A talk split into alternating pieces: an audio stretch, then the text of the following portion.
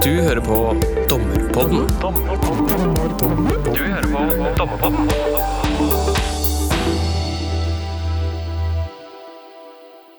Velkommen til dagens episode av Dommerpodden. Mitt navn det er Runa Nordahl Hereid, og jeg er dommersmektig i Oslo tingrett.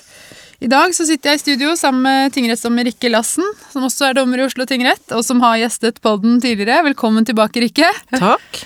Eh, For ikke, for ikke så veldig lenge siden så satt du og jeg på Island og snakka om hva du skulle gjøre i din studiepermisjon nå i høst. Eh, Og noe av det som kom fram da, var blant annet at du skulle skrive lovkommentarer til den nye barnevernsloven, som trer i kraft ved nyttår. Eh, Og som du gjorde, meg, gjorde det veldig tydelig for meg da, den skal ikke lenger hete barnevernloven, den skal hete barnevernsloven. Eh, Og uavhengig av hvor små eller store materielle endringer som kommer, eh, så kan man jo fort bli litt stressa når det kommer en ny lov, eh, særlig når det er på et rettsområde som vi befatter oss mye med, og avgjørelsene vi treffer i disse sakene betyr mye for de som berøres. Hvilke endringer som kommer med den nye loven, og hva vi dommere bør være obs på fremover, det er tema for dagens episode.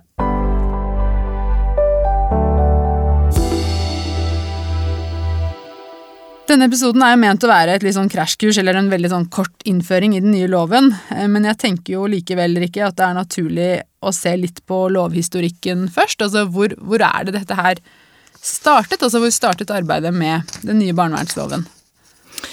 Ja, arbeidet med eh, utvikling og endring av lover, det pågår jo egentlig absolutt hele tiden. Eh, det er jo liksom sitt eget lille økosystem som surrer og går, men et viktig startpunkt er 2016, hvor det kom en eh, NOU fra barnevernsutvalget, eller barnevernslovutvalget, eh, som diskuterer den gamle loven, behovet for en eh, ny lov. Eh, Og Foranledningen til at man gjør dette, det er jo at den barnevernloven vi har nå, den er 30 år gammel. Og så er det eh, en del elementer som trekkes fram. Det er at eh, samfunnsutviklingen har jo vært omfattende i de 30 årene siden den loven ble gitt. Eh, Språket er blitt annerledes, i tillegg til at man ønsket å finne et språk som var mer tilgjengelig for de loven faktisk gjelder for.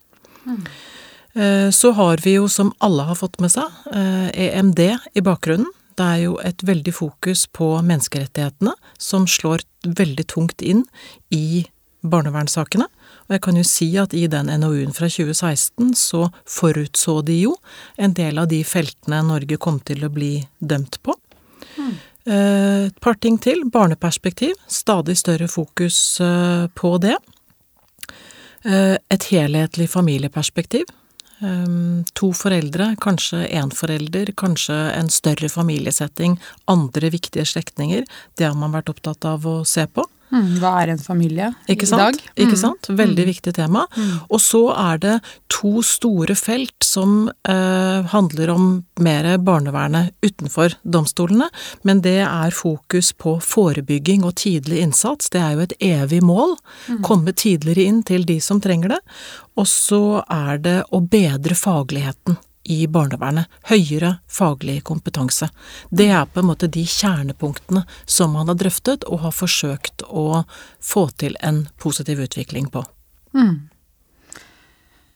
Nettopp. Også når dette starter 2016, da har jo ikke disse som du sa, disse avgjørelsene kommet ennå. Men hvordan påvirker det? Er det sånn at de, de kommer inn etter hvert, og så må man tilpasse man loven etter disse avgjørelsene? Eller hvordan, hvordan jobbes det med denne loven da de årene fra 2016? Ja, det, her pågår det jo parallelt. Altså det, det, det er en interessant sånn lovutviklingsprosess, fordi at eh, etter at den NOU-en kom, så for det første så er det en hel del betydelige endringer som blir innført allerede i den någjeldende loven.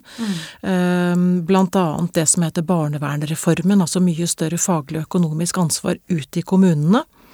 Eh, Er det da det samtaleprosess uh, Det kommer også underveis her, nettopp samtaleprosess i fylkesnemndene, som vi foreløpig ikke har noen egen hjemmel for i domstolene. Eh, at man etablerer at barnevernloven er en rettighetslov for barn. Eh, og man forskutterer også en del av disse kravene til øket kompetanse. Så dette holder man på med underveis. Og så kommer jo sakte, men sikkert disse avgjørelsene fra EMD, og det ser vi veldig tidlig i proppen, eh, så er det jo Der har man tatt inn over seg eh, veldig mye av EMD-avgjørelsene, og også Høyesteretts eh, oppfølging av det. Og så har vi fått loven, men så jobber man videre nå med forslag til ytterligere endringer for hele tiden å tilpasse oss de kravene som annet eh, følger av EMD-praksis, da. Spennende. Ja, men Fint. Det var fin sånn liten sånn innføring. Vi, vi, vi hopper rett i det, vi, tenker jeg. Eh, vi går til loven, for å si det sånn. Eh, Den, har, den er jo fra i fjor, fjor sommer, men så kommer den trer i kraft ved nyttår. Men hva, hva er det som er nytt? Altså, hva, hva må vi vite om den nye loven?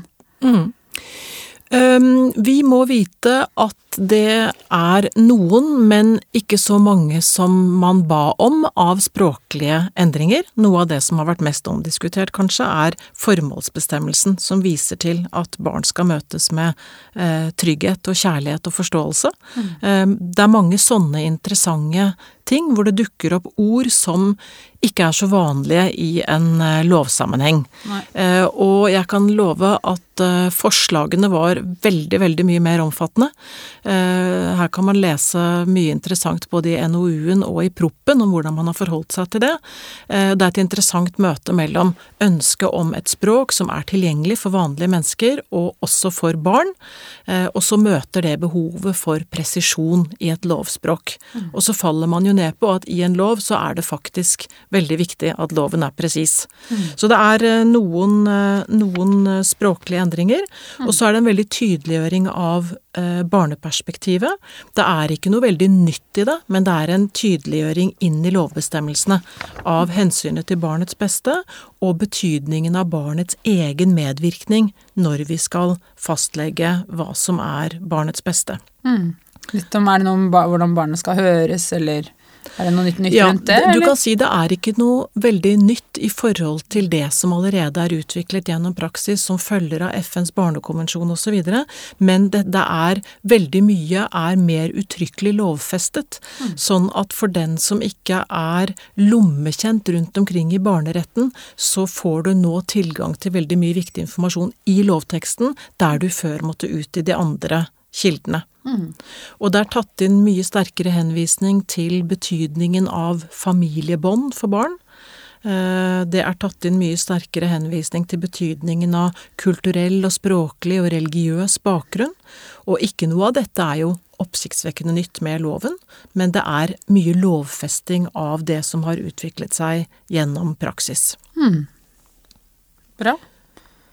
Eh, hva med, altså vi, Hvis vi skal bevege oss litt over i alle vedtakene som vi overprøver, Mm. vilkårene rundt altså omsorgsovertagelse altså det er jo er det, er det noe materielt som har skjedd der, som vi må vite?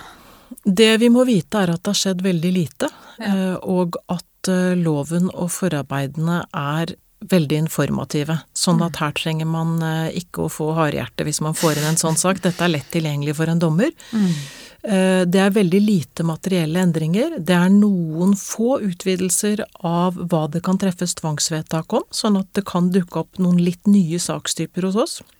Hva er det typisk? Det er eksempel at eh, det kan pålegges i eh, barneverns- og helsenemnda, det som nå heter fylkesnemnda. Alle sakene kommer jo til oss derfra. Mm.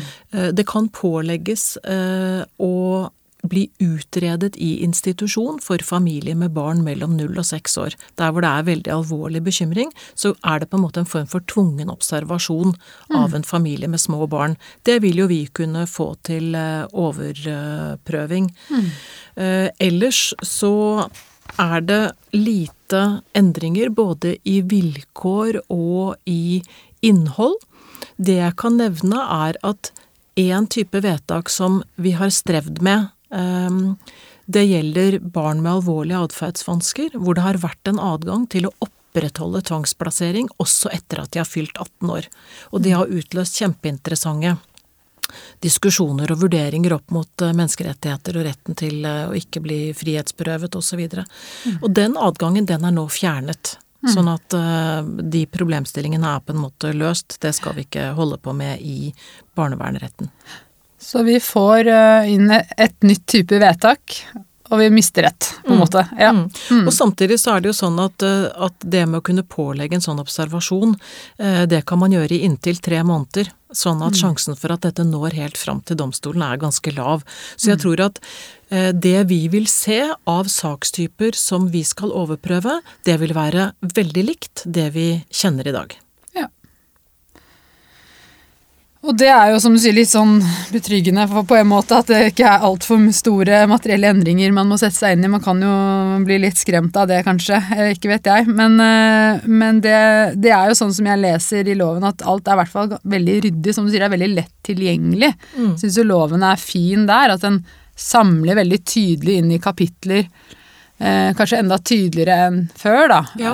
Den flytter det som kanskje var litt spredt, inn i et ja.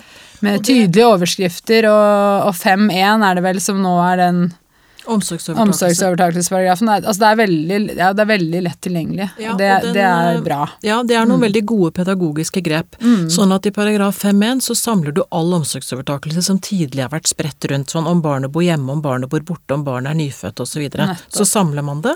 Og tilsvarende f.eks. i hjemmelen for tvangsadopsjon, så mm. er vilkåret endret, ordlyden er endret, sånn at nå står det uttrykkelig at det må foreligge tungtveiende grunner som tilsier at adopsjon vil være til barnets beste, og det er jo sitat EMD, sitat Høyesterett. Mm. Sånn at det er en veldig mye bedre tilgjengeliggjøring av, eh, av de gjeldende vilkårene. Mm.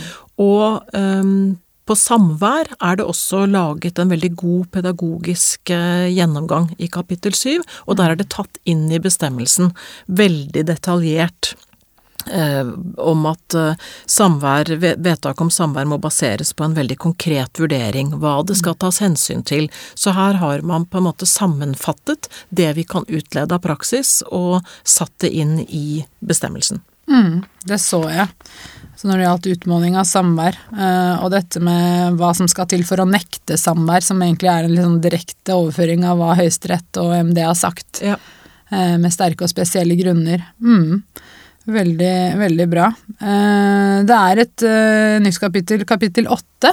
Mm. Når jeg leste det, så, så, tenkte jeg jo veldig sånn umiddelbart på gjenforeningsmålsetningen og, mm. og det som EMD har, har, hatt fokus på. Kan du si litt om, om det? Ja. kapittel åtte det samler alle bestemmelser om oppfølging av barn og foreldre eh, i forhold til alle typer eh, vedtak. Og det er ikke noe nytt at barnevernstjenesten har plikt til å følge opp både barn og foreldre etter vedtak både om hjelpetiltak, akuttvedtak, omsorgsovertakelse osv. Men her samler man det i én bestemmelse og systematiserer det mer.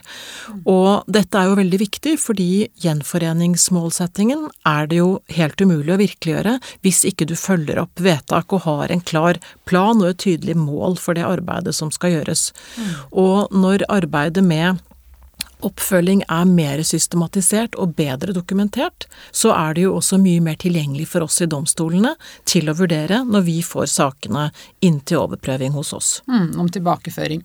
Typisk om tilbakeføring. Mm. Eller det kan også typisk være samvær, ikke sant. Samværsregulering. Ja, selvfølgelig. Hva har man gjort for mm. å legge til rette for at det kan gjennomføres mer omfattende samvær uten at det er belastende for barnet, eller hva har man gjort for å forsøke å gjenopprette eller utvikle kontakten, sånn som det følger av EMD-praksis at vi faktisk skal gjøre. Mm.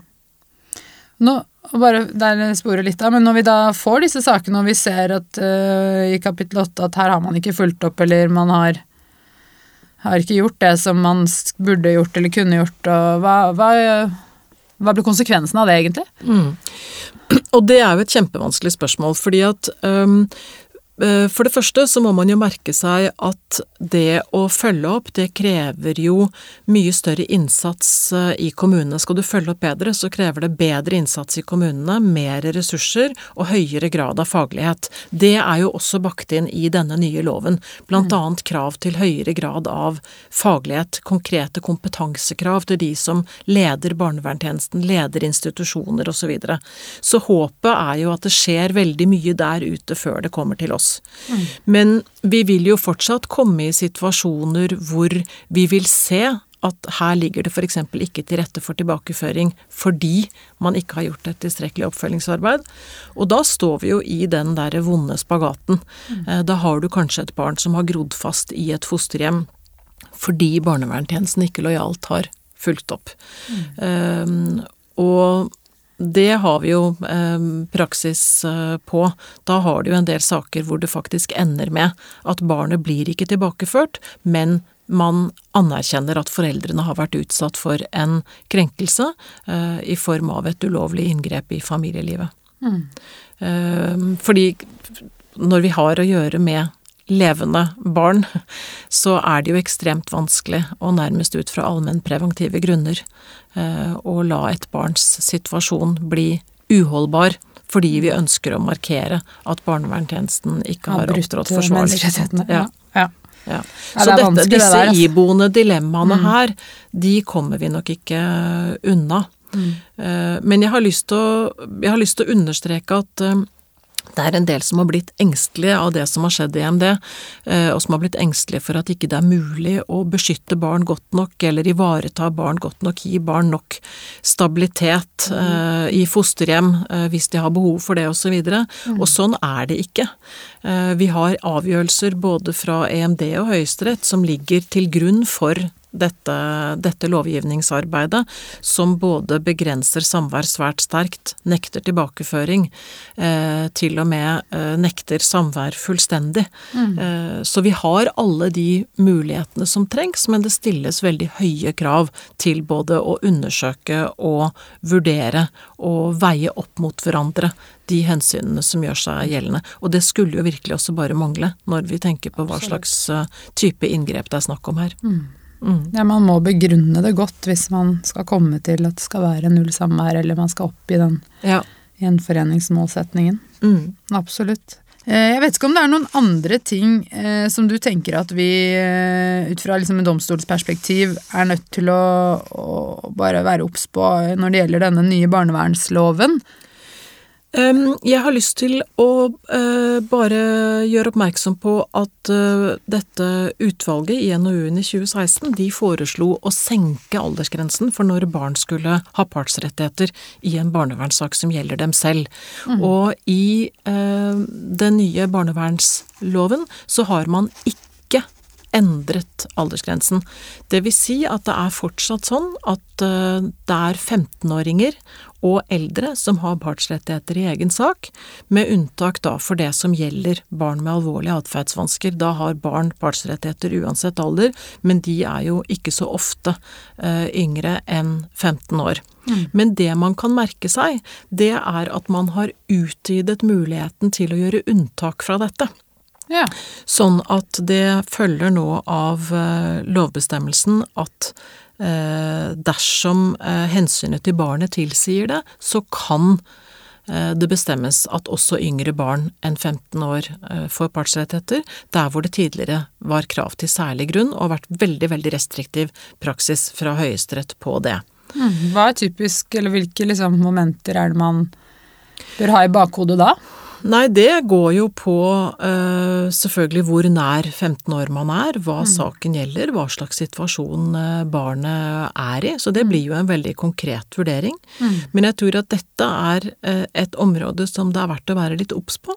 Mm. Og det er også sånn at det er oppnevnt et eget utvalg som skal utrede en kjempe kjempelang rekke rettssikkerhetsspørsmål i barnevernet. Mm. Det er et utvalg som ledes av Marit Skivenes, som er professor i statsvitenskap ved Universitetet i Bergen. Barnevernsutvalget. Ja. ja. Mm. Uh, og det mandatet er altså så uh, omfattende at det trenger nesten en egen pod bare for å lese det. Veldig, veldig mange spennende spørsmål om rettssikkerhet i barnevernet, men mm. et av de temaene de holder på mye med, det er nettopp dette spørsmålet om når barn bør være parter selv, og på hvilken måte barns rett til medvirkning kan virkeliggjøres. Så det er et felt som fortsatt er i utvikling, mm. men per i dag så er det altså sånn at loven sier 15-årsgrense men større mulighet til å gjøre unntak. Mm. Men når vi da får saken inn, og det, vi ser at det er et barn på 14, eller hvordan er det vi, liksom, vi dommerne skal følge opp det da? Så vil vi utforske om det er grunn til å kanskje Eller bør vi alltid ta den runden, uten at, selv om ingen nevner noe om det, eller ja. Ja, eh, vi bør vel kanskje det, men jeg tror at eh, normalt så vil dette være spørsmål som allerede har vært vurdert og er avgjort, fordi at det vil jo, spørsmålet vil jo oppstå i, i eh, første omgang mm. i barneverns- og helsenemnda, altså nåværende fylkesnemnda. Mm. Og hvis noen krever å få være part der og ikke få lov, så kan jo det bringes inn for domstolene. Mm. Sånn at normalt så vil nok det spørsmålet ha blitt avklart i et eget spor, mm. men vi vil jo kunne få det inn som enkeltstående saker hvor vi skal vurdere noen som er blitt nektet partsrettigheter, da. Ja. Mm. Men dette er jo dette er et sånt kjernespørsmål. Jeg syns det er kjempevanskelig selv, på den ene siden Ehm, å utvide og utvikle barns rett til medvirkning, men samtidig ikke skape en Nettopp. Ja. Mm. Ikke sant. Ikke skape en praksis hvor alle kan dytte et barn foran seg som mm. skal kreve ditt og kreve datt og nedlegge påstander og jeg vet ikke hva. Mm. Så det å finne en god måte å ivareta det på, det er kjempevanskelig. Mm. En annen ting som var diskutert og foreslått, var jo liksom um, tidsrammen. Altså hvor, hvor, lenge man måtte vente før man kunne gå tilbake til fylkesnemnda og kreve endring. Mm. Det var jo foreslått å øke fra tolv måneder til Altså fra ett år til to år, ja. var det ikke det? Mm. Hva, hva, landet de på, på, der? Det de landet på, er at de har endret sperrefristen Sperrefrist. for samvær mm. uh, fra 12 til 18 måneder. Mm. Eh, det er fortsatt sånn at nemnda kan slippe inn en sak før det, hvis det er grunn til det, men du har ikke krav på å få behandlet et samværsspørsmål på nytt før etter 18 måneder. Det er mm. ingen endring i sperrefristen for omsorgsovertakelses- eller tilbakeføringsvedtak. Der er det fortsatt 12 eh, måneder. Mm. Og dette igjen, også et evig iboende dilemma, ikke sant, at du eh, ønsker å skape ro og forutsigbarhet og permanency planning, som de kaller det i England, for barn som er under omsorg, og på den annen side så skal du ivareta rettssikkerheten. Mm. Eh, og da blir det jo uh, Da blir det jo mye overprøving. Eh, og det er Det er jo riktig at lovgiver regulerer dette uttrykkelig, at ikke vi skal sitte i, i, praksis og gjøre det. Og nå har man altså falt ned på at det fortsatt skal være en, en veldig vid overprøvelsesadgang, eller adgang til gjentatte saker, da. Mm. Men det er ingen endringer i strukturen oppover i systemet, sånn at alle fylkesnemndsakene de kan bringes inn til tingrettene, men så har vi jo eh, dette eh, nåløyet, eller hva man vil kalle det, for å få saken innenfor lagmannsretten. Der må det jo gis samtykke og er konkrete kriterier. Det er ingen endringer i det regelverket der. Nei. Nettopp. Eh, du, vi har jo snakket litt om det allerede, men det, dette feltet er jo i bevegelse hele tiden. Mm. Uh, særlig de siste årene. Uh, så jeg tenkte egentlig at vi også kunne snakke litt om det. Altså hva er det, vi, hva er det som beveger seg nå? Uh, mm. Både i Høyesterett, EMD.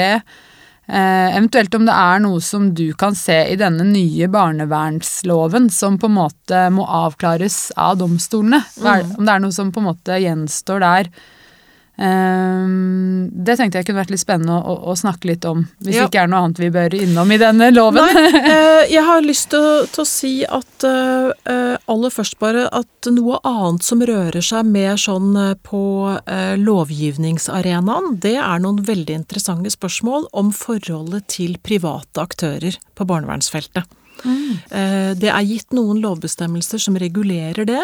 Eh, det ble ikke så store endringer som det som var foreslått, men nå er det fremmet nye endringsforslag igjen. Eh, og jeg skal ikke gå noe detaljert inn på det, men det handler altså om i hvilken grad vil vi ha private aktører som tilbyr tjenester på barnevernsfeltet. Mm. Og det er en god, gammel og veldig interessant diskusjon, og ligner jo på det man diskuterer i andre deler av eh, velferdslovgivningen i Norge også. Ja ikke sant. Mm. På den ene siden det der med eh, la de hundre blomster blomstre, gode utvekslinger mellom private og offentlige, og på den andre siden eh, de som mener at dette er velferdsprofitører. Den diskusjonen er gående på barnevernsfeltet, og den vil fortsette. Der skjer det mye interessant. Mm. I forhold til det som utspiller seg mer i domstolene, så er det noen områder som peker seg ut. Alle har fått med seg at uh, samvær uh, er jo en veldig, veldig utvikling. Det utmåles mye mer samvær nå enn før, og det er veldig mye mer konkrete vurderinger. Megakonkrete vurderinger ned i de enkelte momentene, både hos barn og foreldre og fosterforeldre, og hvordan skal samvær tilrettelegges osv. Dette kommer vi til å sitte og holde på med. Det er veldig viktig. Mm. Um, og så, i en litt mer utvidet forstand, så er det jo også en rettsutvikling på gang når det gjelder andres rett til å få samvær med barn, altså andre enn foreldrene. Mm. Og for ikke så lenge siden så avsa Høyesterett en dom hvor en mormor som hadde bedt om samvær og ikke fikk lov til å slippe til eh, i fylkesnemnda fordi den grensen vi har praktisert eh, for å slippe til besteforeldre, som er at foreldre enten har nektet samvær eller har fått svært begrenset samvær, mm. den grensen der, den har vært ganske streng. Sånn at der hvor det tidligere eh, var veldig vanskelig å komme til hvis foreldre hadde fått eh, mer enn to til fire samvær i året, så har Høyesterett nå oppjustert det. Altså lang historie kort. Eh, det med å slippe til besteforeldre og andre, det er under press. Der ser vi en utvikling hvor synet på familiebåndene, og egenverdien også for barna av familiebåndene, det vil vi se utslag av i praksis. Men er det noe uttalt grense sånn som det var før, eller er det mer en sånn konkret vurdering opp mot ja, barnets tilknytning til den personen og barnets identitet eller den type Altså Eller man, snakker man fortsatt om en eller annen norm jeg, eller terskel, for å si det sånn? Jeg tror jo nå at alle er veldig redde for å lage en norm i mm. tilknytning til samvær, altså en norm som har noen tall i seg. Men mm. fra tidligere så har det vært sånn at hvis eh, at eh, tidligere så anså man et samvær på to eller tre timer fire ganger i året at det ikke har vært svært begrenset, og så har man eh, da nå, i den seneste avgjørelsen som jeg refererte til nå, så fant man at et samvær på seks ganger i året for foreldrene, det måtte anses som svært begrenset, sånn at man var over en mm. terskelverdi for at mormor kunne kreve å få vurdert om hun skulle ha en egen rett til samvær. Mm. Eh, så Men jeg tror vi skal passe oss for å tenke at nå er det sex som gjelder. Vi, skal, vi må starte med å se på at det er eh, det skal være en videre eh, adgang enn det har vært tidligere, da. Jeg tror ikke dette her er ferdig diskutert. Nei. Um, og så ser vi jo også en veldig viktig utvikling i domstolene når det gjelder forholdet mellom to foreldre, ikke sant. Det er Eh, mange avgjørelser hvor det er uklart etter barneloven hvem av foreldrene som etter et samlivsbrudd eh, skal ha barnas faste bosted hos seg. Det kan være fordi de er i en prosess hvor de mm. tvistes om det, eller det kan være fordi det er folk som ikke har superformelt system på livet sitt, sånn at det bare lar seg ikke helt avklare eller dokumentere. Mm. Der har det vært veldig strengt å kunne dokumentere at du er i posisjon etter eh, etter barneloven for å kunne kreve tilbakeføring av barn under omsorg. Mm. Nå har Høyesterett i flere avgjørelser satt foten veldig hardt ned for det. Sånn at selv om det er uavklart mellom foreldre, mm. eh, at man er i en prosess eller man akkurat har gått fra hverandre f.eks., så sier man at da kan begge i realiteten kreve tilbakeføring. Mm. Så kan man gå mer inn i detaljene i de avgjørelsene hvis man vil det, men altså en mye mindre streng flate sånn mot uh, barneloven. Mm. Ja, det, det, er bra at det ble tydeliggjort, tenker jeg. Ja. For de ble vel av, bare avvist ja. før? Ja. Mm. Det er og jo dermed, egentlig ganske fjernt. Ja, det er ganske fjernt. fordi at det som skjer da, det er jo at tiden går. Og mm. tid er jo alt i disse mm. prosessene, hvis det faktisk skal være mulig å få til en tilbakeføring. Mm. Og så kan jeg kanskje også bare si at uh, det er ganske nylig avsagt en høyesterettsavgjørelse også som sier veldig klart at uh, fosterforeldre uh, kan ikke få, eller de får ikke partsrettigheter i spørsmål om tilbakeføring. Mm. Etter loven er det slik at de har en uttalerett ved spørsmål om tilbakeføring. Og det opprettholdes i den nye loven, men i en helt konkret avgjørelse hvor det ble bedt om at de skulle få partsrettigheter. for retten i et spørsmål om tilbakeføring, så fikk de ikke det. Og dette er et ledd i også en stor diskusjon som jo foregår både i EMD og hos oss, og som på langt nær er ferdig. Eh, hvilke familiebånd er det som skal beskyttes? Mm. Eh, og det ser vi jo på hele barnerettens eh, område. Mm. Men eh, det Høyesterett kom til i denne fosterforeldresaken, var en veldig klar eh, bekreftelse, egentlig, på at det er ikke meningen at fosterforeldre skal stille i en slags åpen konkurranse med mm. biologiske foreldre. Sånn er ikke barnevernlovens system. Og den saken var jo ganske også, også veldig sånn De var jo veldig tett på det barna. Så var det, det, var vel et nyfødt barn de hadde passet siden ja, så de fikk et nyfødt ja. barn som de hadde hatt hos seg i tre år, uh, og hvor alt hadde ligget til rette for en varig plassering og en adopsjon. Mm. Og, så, kom det, og så, mm. kom det, en far på banen som ingen egentlig hadde hørt om før, mm. uh, og, og, gjorde sine rettigheter gjeldende. Så det var jo et veldig Det ble et veldig tydelig eksempel, mm, men da sier man jo veldig klart at uh, barnevernsloven skal jo basere seg på Disse vedtakene skal basere seg på helt andre ting enn en sånn åpen barnets beste-vurdering vurdering. Og mm. da kommer jo alt dette med eh, familiebånd og biologisk prinsipp osv. inn. Mm. Men det betyr, jo ikke, det betyr jo ikke at det nødvendigvis må bli tilbakeføring. Det gjøres jo veldig gode vurderinger av eh, hvordan man skal håndtere denne type situasjoner, men man skal altså ikke da ha fosterforeldre inn som fulle parter i en slags åpen eh, foreldrekonkurranse mm. eh, med de biologiske foreldrene. Mm. Og det er jo helt i tråd med hele utgangspunktet for barnevernslovgivningen, da.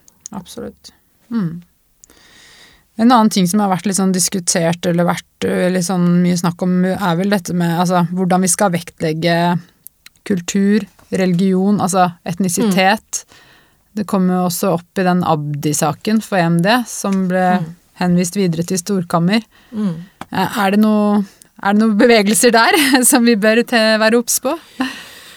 Ehm, det vi bør være obs på, det er jo at det er tatt inn en egen generell bestemmelse eh, om at vi alltid skal vurdere og synliggjøre eh, vurderingen av eh, barnets kulturelle og etniske og religiøse bakgrunn. Og det er jo ikke nytt, men nå tydeliggjøres det for oss, og det blir jo stadig synligere hvordan vi må vektlegge verdien av den delen av opphavet. Mm. Um, så er det jo sånn at uh, man må gjøre vurderinger av dette, man må prioritere det høyt, men ikke for enhver pris. Mm. Og akkurat nå så bare Nå leter jeg bare etter den uh, der. Ja, fordi den uh, Abdi Ibrahim-saken uh, mm. som du refererer til, mm. det er jo en sak som har vært prøvet i MD to ganger, og sist i storkammer. Og der er det jo konstatert krenkelse fordi dette barnet ble plassert og bortadoptert på ja, altfor tidlig og uten at man gjorde nødvendige vurderinger av mange viktige spørsmål. Men det interessante med den siste storkammerprøvingen, det var jo at der var det også anført at eh, det som skjedde var i strid med eh, morens eh, rettigheter til religionsfrihet, fordi barnet ble plassert i et norsk kristent fosterhjem, mens moren selv var eh, av somalisk opprinnelse og muslim. Mm. Og så falt uh, eh, EMD i Storkammer ned på at de prøvde ikke om dette var et brudd på hennes religionsfrihet, for de sier det er en del av retten til familieliv å organisere familie ditt, familielivet ditt kulturelt og religiøst slik du ønsker. Mm. Uh, så de har på en måte ikke prøvet det direkte, men i premissene så ser man at uh, det trekkes frem betydningen av å ha en bevissthet rundt det, men det hadde man hatt en bevissthet rundt i denne saken, og det var dokumentert veldig konkret.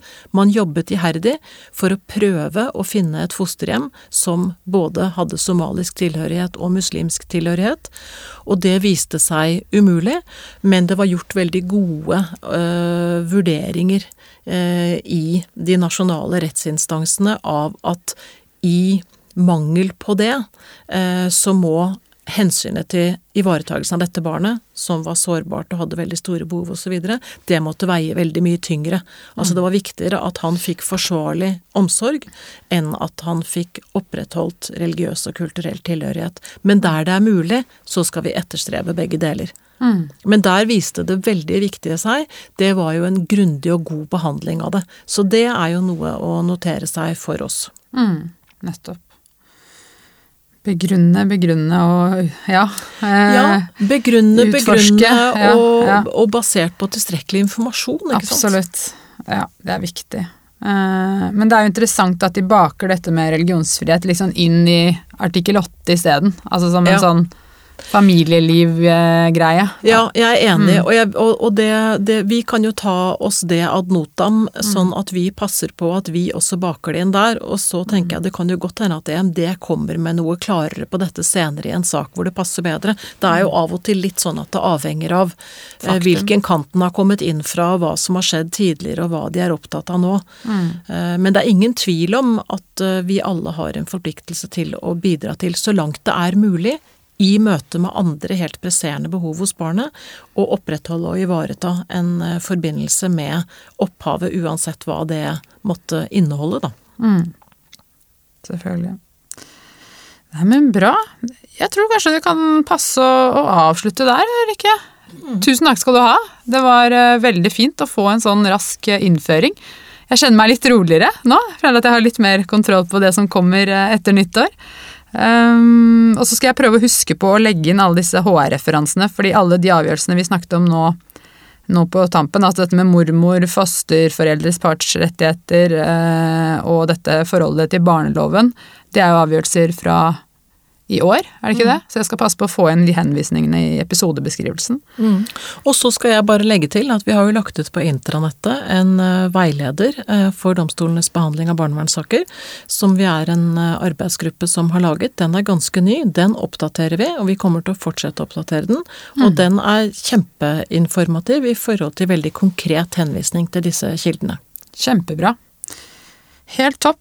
Eh, så bra. Nei, men da takker jeg for i dag. Eh, og mitt navn det sa jeg helt sikkert innledningsvis, men det er Runa Nordahl Hereid, og jeg da lager da Dommepodden sammen med Ragnar Lindefjell og Ola Berg Lande. Du har hørt på Dommepodden. Dommepodden er en podkast fra Norges domstoler og er først og fremst ment som et kompetansetiltak for dommere.